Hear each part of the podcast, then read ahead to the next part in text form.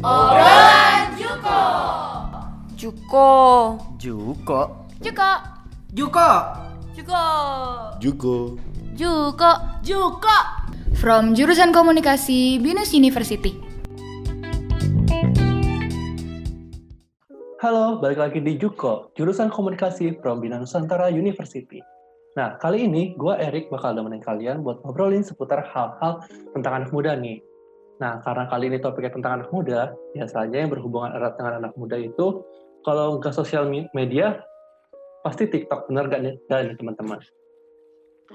Tapi rasanya kurang asik nih kalau misalkan gue cuma ngomong sendiri doang. Nah, kali ini gue kedatangan orang yang paling spesial banget ya di Bina Nusantara University.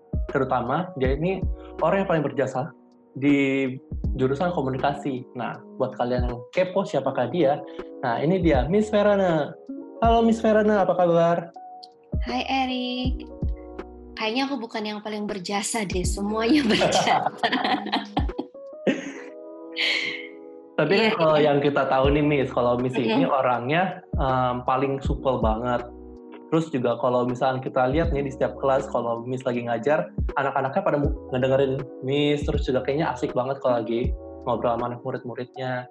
Nah, aku mau nanya nih Miss, sebenarnya ada cara khusus gak sih Miss buat bisa beradaptasi secara apa cepat kayak gitu Miss? Moto aja apa moto banget? Tahu banget dong. Oke, beradaptasi di lingkungan yang baru ya, atau iya ya di lingkungan-lingkungan yang sudah kita kenal. Sebenarnya gampang sih caranya. Nih saya kasih tahu ya. Yang pertama kita itu harus bisa memahami diri sendiri dulu nih Erik ya. Iya. itu yang dinamakan dengan self awareness biar kita tahu apa sih kekurangan dan kelebihan kita yang tujuannya adalah nantinya kita untuk eh, meningkatkan self confidence kita dan self esteem atau penghargaan diri kita dengan begitu kita mudah untuk bisa menghargai diri eh, ketika percaya diri kita bisa berinteraksi dengan orang lain untuk improve self confidence-nya itu kita harus bisa nih memperbaiki yang negatif ya dari diri itu sendiri. Nah, yang positifnya kita jadikan personal branding. Jadi paham nggak personal branding itu apa? Kalau yang aku tahu nih ya personal branding itu kayak um, kalau misalnya kita ngelihat A orang itu kayak gini, orang ini orang ini tuh punya pembawaan yang seperti ini, Nah. lebih gitu. Betul banget ya. Jadi image kita di mata orang gitu kan ya, Erik ya. Iya, Nah, jadikanlah yang positif itu yang akan kita eh, kesankan ke orang lain kita kita pertahankan gitu ya. Ketika kita membeli pe- personal branding yang kita yakini positif, lalu ya masuklah Anda ke dunia sosial Anda. Kemudian eh, act naturally, maksudnya ya natural aja gitu. Kita pertama jangan terlalu rendah diri, tapi juga jangan terlalu overconfidence. jangan jangan overconfidence juga gitu. Ya bahaya gitu. Ya. Ja- Kemudian gimana lagi nih? Be yourself. Ya, jadi yang kelima ini be yourself, tapi pahami be yourself ini sebagai eh, apa ya? Kita tidak berpikir ya gue ya gue gitu, paham nggak? Ya, tapi eh, be yourself di sini artinya kita juga harus bisa memahami orang lain gitu ya. Kalau kita terlalu be yourself banget artinya itu selfish ya. Ingat bahwa kita ini adalah makhluk sosial. Oke. Kemudian untuk lebih mudah uh, melting dengan orang, kita beradaptasi dengan orang, juga kita usahakan untuk selalu find similarities. Ya, find Oh, cari similarities. persamaan ya. Ya, carilah selalu per- persamaan tapi juga harus hargai perbedaan. Ya, gitu. Agak sedikit susah juga ya tentang cari persamaan dengan harus tahu perbedaan juga. Ya, nggak susah sebenarnya kan kita udah tahu kita ini eh, hidup dalam perbedaan ya, tapi pasti ada persamaan yang akan membuat kita eh, istilahnya nyambung gitu, ya. Tapi benar banget, benar banget. tidak boleh juga kita eh, tidak mau berinteraksi dengan orang lain hanya karena banyak perbedaan gitu, ya. Kalau kayak gitu jatuhnya jadi selfish juga ya, Miss ya. Iya betul. Nah, kemudian yang terakhir ya jangan lupa kita kalau ingin eh, cepat berbau dengan orang lain, apa namanya, tidak hanya perkataan kita tapi juga bahasa tubuh kita ya yang kamu kenal kalau belajar komunikasi nonverbalnya yang yang juga harus baik. Jangan lupa senyum, tapi ya jangan senyum senyum nggak jelas. Gitu.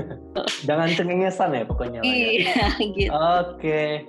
Terus kalau misalkan ini nih Miss dari pengalaman Miss, pernah nggak sih Miss uh, ngedapetin pengalaman yang nggak enak waktu ketemu orang lain tuh orang baru misalkan, terutama generasi Z nih? Hmm, nggak terlalu banyak sih yang gak enaknya ya, alhamdulillah.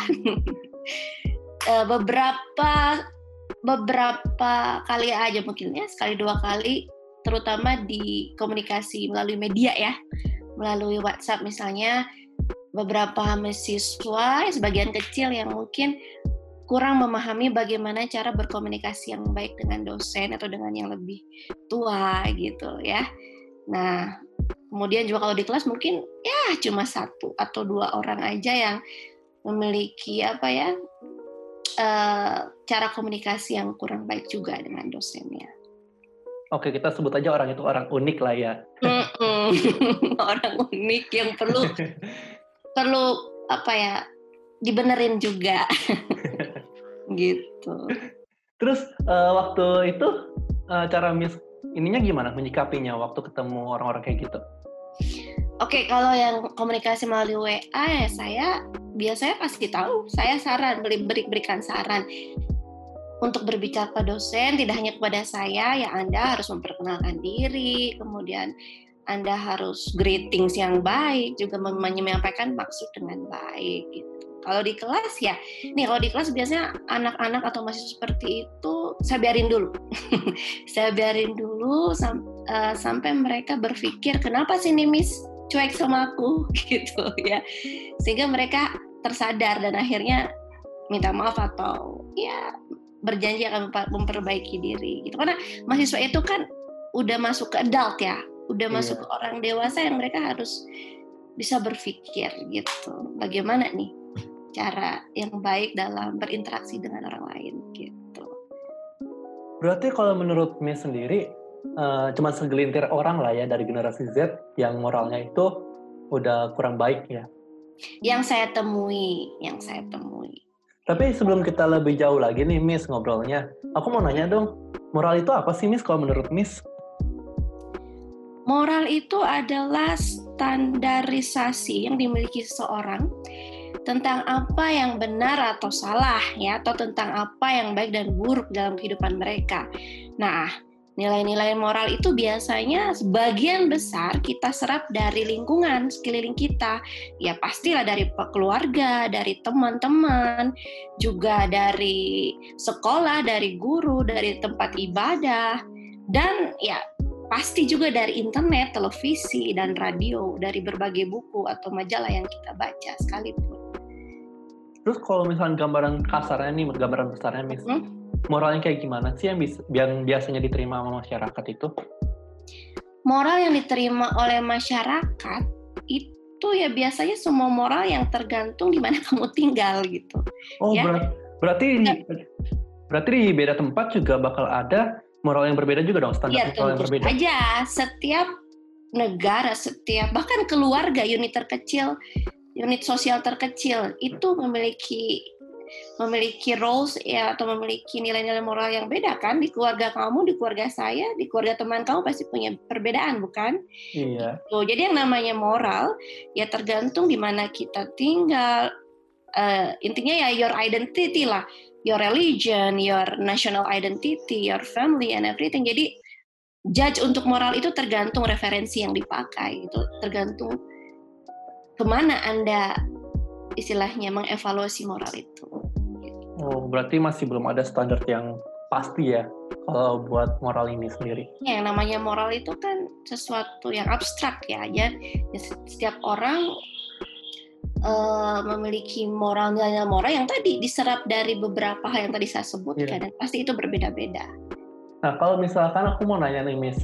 Uh, Mm-mm. Miss kan yang aku tahu ini dari generasi milenial ya. Kalau sementara aku ini generasi Z. Mm-mm. Nah, Miss ada pernah ini nggak sih bandingin tentang uh, moralnya mereka di antara dua generasi tersebut? Oke, eh, kita lihat dulu ya Gen Z itu lahir pada pada tahun berapa? Tahu nggak? Tahu dong. Udah survei, udah survei. tahun berapa? Dari tahun 95 sampai 2010. Benar kan? Tepat banget. Pinter, Erik. Iya, betul ya. Jadi kalau misalnya tahun 95 sampai 2010 di tahun ini mereka itu umur 10 sampai 25 tahunan ya. Iya. Gitu, gitu. Erik termasuk Gen Z? Iya, alhamdulillah ya, Miss. Oke, okay, Gen Z itu uh, lalu Gen Z itu kan mereka itu terkenal dengan true digital natives ya. Kenapa? Karena mereka lahir di mana internet, sosial media, itu smartphone itu ada pada zaman ini gitu pada zaman mereka terlahir gitu. Iya benar ya. banget, uh, terutama internet sih ya. Kalau sosial media ketika mereka remaja itu sudah terpapar. Makanya Gen Z juga disebut dengan e-generation, online generation atau Gen Teh dan sebagainya ya. Nah, kemudian kalau Gen Y itu lahirnya apa dari? Kalau Gen Y itu dari 1980 sampai 1995 atau 94 aku lupa nah, nah, benar ya. Itu ketika masa uh, internet atau digital masa digital itu belum terlalu ini ya belum terlalu apa namanya? Uh, maju sekarang ya. Maju tapi mereka menghadapi itu ketika masa-masa SMA ya masa-masa SMA dan masuk kuliah gitu dan karakteristik gennya itu kan close to parents, kemudian dia itu goal oriented dan time oriented ya.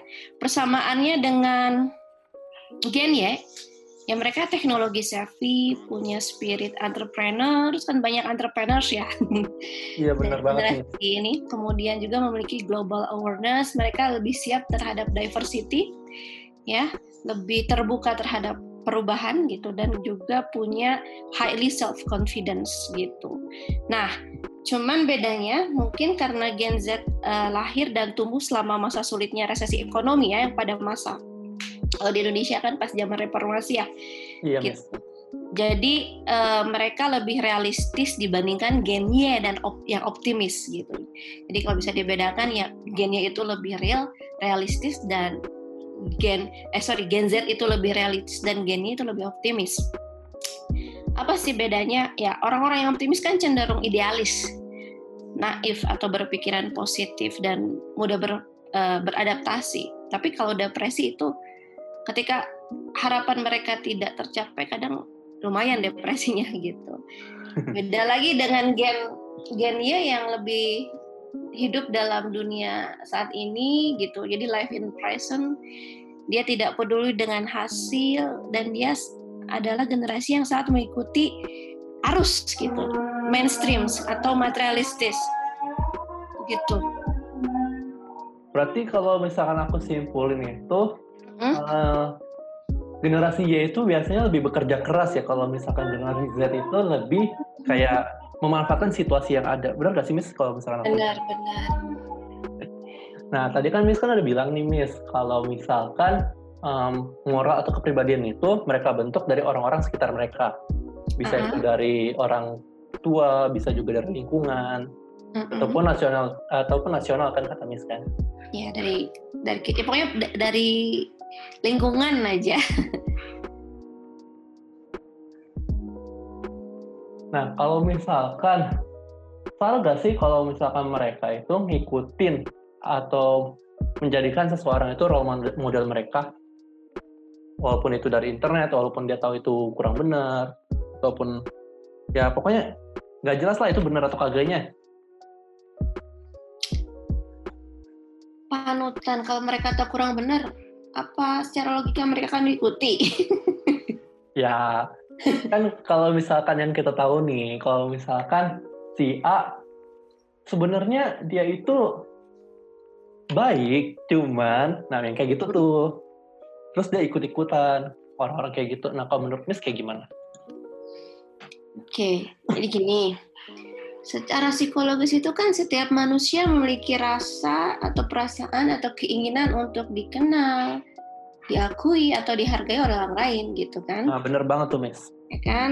Nah, di zaman ini Gen Z terutama itu terlahir di zaman ketika sosial media itu memfasilitasi untuk mengekspresikan diri gitu kan kemudian setiap orang itu kan memiliki motif dan tujuan tertentu dalam melakukan semua aktivitas komunikasi itu gitu baik yang tersirat ataupun tersurat pasti ya pasti adalah penilaian dari orang lain gitu jadi istilahnya salah atau tidaknya ya tergantung kepada diri mereka sendiri gitu.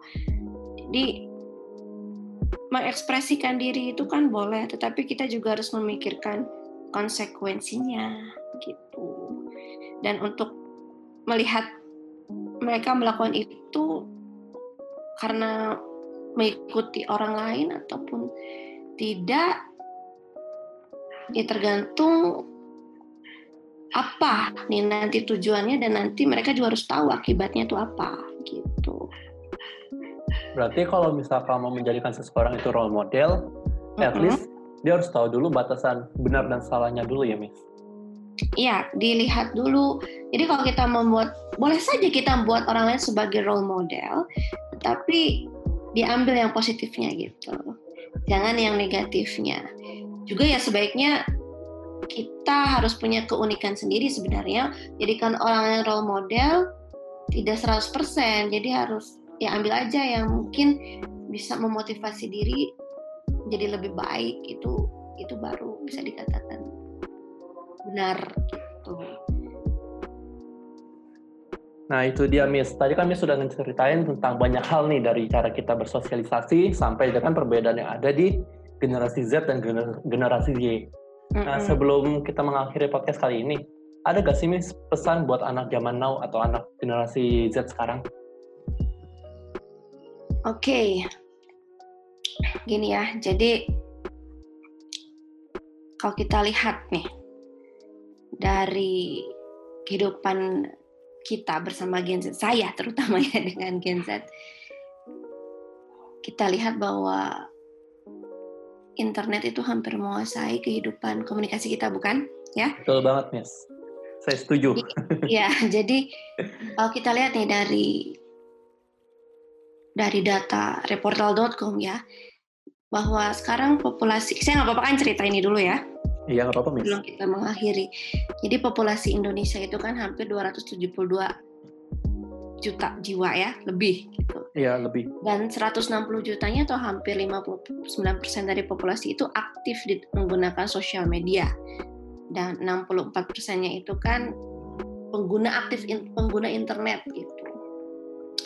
Lalu 77 77 persen dari usia yang sangat produktif menggunakan sosial media itu adalah sebagian besar Gen Z ya Betul banget, Miss. Tentang usianya gitu dan mereka hampir menghabiskan waktu lebih dari tujuh jam itu menggunakan internet gitu. Hampir setara sama jam tidur ya, ya ternyata ya. Betul ya um, menggunakan apa? Dan itu ha hampir secara data itu aktivitas dengan internet itu adalah menonton video dan menonton vlogs yang terbesar. Ya, jadi kan mungkin banyak hal-hal yang mereka serap di sana. Dan yang apa sosial media platforms yang paling banyak digunakan itu adalah yang pertama YouTube, kemudian WhatsApp, Facebook, Instagram, Twitter dan lain, ya.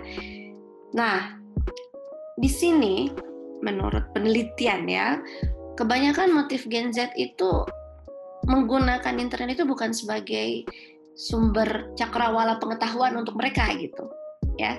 Tetapi kebanyakan itu adalah untuk uh, memaintain atau menciptakan karakternya atau self image self image-nya how to build and manage self image-nya di sosial media terutama ya. Kemudian juga menurut penelitian mereka itu pada dasarnya terbiasa melakukan liking terhadap berbagai hal yang berbeda, berkomentar pada realitas, mengevaluasi hal yang mereka beli dan gunakan ya kan? Iya, Beauty ya, vlogger, gaming dan sebagainya ya. Kemudian juga uh, review terhadap tempat-tempat yang mereka kunjungi, ada food bloggers ya kan, ada dan sebagainya. juga. Mm -mm, benar. Mereka itu kan terbiasa mengekspresikan dirinya di media sosial. Mereka ngasih feedback ke realitas ke orang, uh, tapi juga mereka sebenarnya mengharapkan feedback gitu kan. Jadi terdapat proses dua arah di sini. Kemudian juga istilahnya karena keadaan ini, maka ada beberapa yang perlu Gen Z pahami ya. Jadi untuk semua para Gen Z ya sebenarnya untuk seluruh seluruh generasi di zaman kita ya terutama Gen Z di zaman sekarang ini dalam menghadapi zaman sekarang dan dalam menghadapi masa depan yang akan dipenuhi oleh kecanggihan-kecanggihan teknologi ya, terutama information technology. Gen Z ya kita harus memahami itu bagian harus memahami dan memiliki kemampuan dalam kompleks problem solving dan kemampuan critical thinking yang baik. Ya, karena kenapa di masa depan itu dalam memecahkan masalah atau menghadapi masalah, kita tidak hanya berinteraksi dengan manusia, tetapi juga dengan banyak artificial intelligence. Tahu kan artificial intelligence? Ngerti, ngerti, ngerti. Ya, gitu. Ya, gitu. Jadi ya lebih kompleks gitu masalahnya. Dan cara problem solvingnya juga harus lebih kompleks tentunya ya. Akan lebih kompleks. Berarti Miss sudah punya gambaran dong kalau misalkan nanti masa depan kita selain memahami manusia, kita juga harus memahami robot. Oh tentu ya, karena kan itu dari berbagai penelitian dan zaman sekarang juga udah terasa bukan gitu keadaan ini gitu. Lalu yang kedua adalah kemampuan critical thinking. Kenapa? Karena kan semakin banyaknya realitas yang akan kita temui dalam kehidupan kita, kita harus berpikir kritis. Apa sih berpikir kritis? Berpikir kritis itu adalah ketika kita mampu mendengarkan dengan seksama dan juga menganalisis terhadap informasi yang kita dengar sehingga kita bisa mengevaluasinya secara akurat gitu. Ya. Kemudian ya contohnya kayak gimana ya? kayak gini nih pemikiran kritis itu perlu ketika kita menghadapi dampak internet atau dampak sosial media terhadap moral ya kan nah untuk memahami itu kita perlu kemampuan listening ya kemampuan analisis dan komunikasi yang baik gitu and then the least but the last but not least Sebagian orang itu berpikir bahwa komunikasi itu adalah bukan tentang apa yang kamu katakan, tetapi bagaimana kamu mengatakannya. Lalu sebagian lagi berpikir sebaliknya bahwa komunikasi itulah bukan tentang bagaimana kamu mengatakannya, tetapi apa yang kamu katakan. Tetapi menurut saya di zaman sekarang ini di mana sosial media itu berperan sangat besar di kehidupan manusia, maka yang lebih tepat itu adalah komunikasi itu tentang apa yang kamu katakan dan bagaimana kamu mengatakannya itu adalah sama-sama pentingnya. Jadi berekspresilah dengan bijak. Gitu, Erik. Oke. uh, cukup ini ya, cukup quotes yang sangat bagus untuk penutupan. Thank you. Nah, uh, aku juga setuju sih tentang uh, statement yang tadi kata Miss itu yang kata kita harus kalau misalkan bahasa gampangnya itu kayak sebelum ngomong kita harus mikir dulu lah ya. Betul. Nah, nah itu dia nih teman-teman uh, pembicaraan dari gua Erik dan juga Miss Verana yang yeah. membahas tentang generasi Z nih terutama di perilaku mereka. Nah, buat um, teman-teman yang masih penasaran tentang episode-episode Juko lainnya, makanya tetap saksikan terus di uh, Spotify Juko ya. Oke, okay, bye-bye. Bye.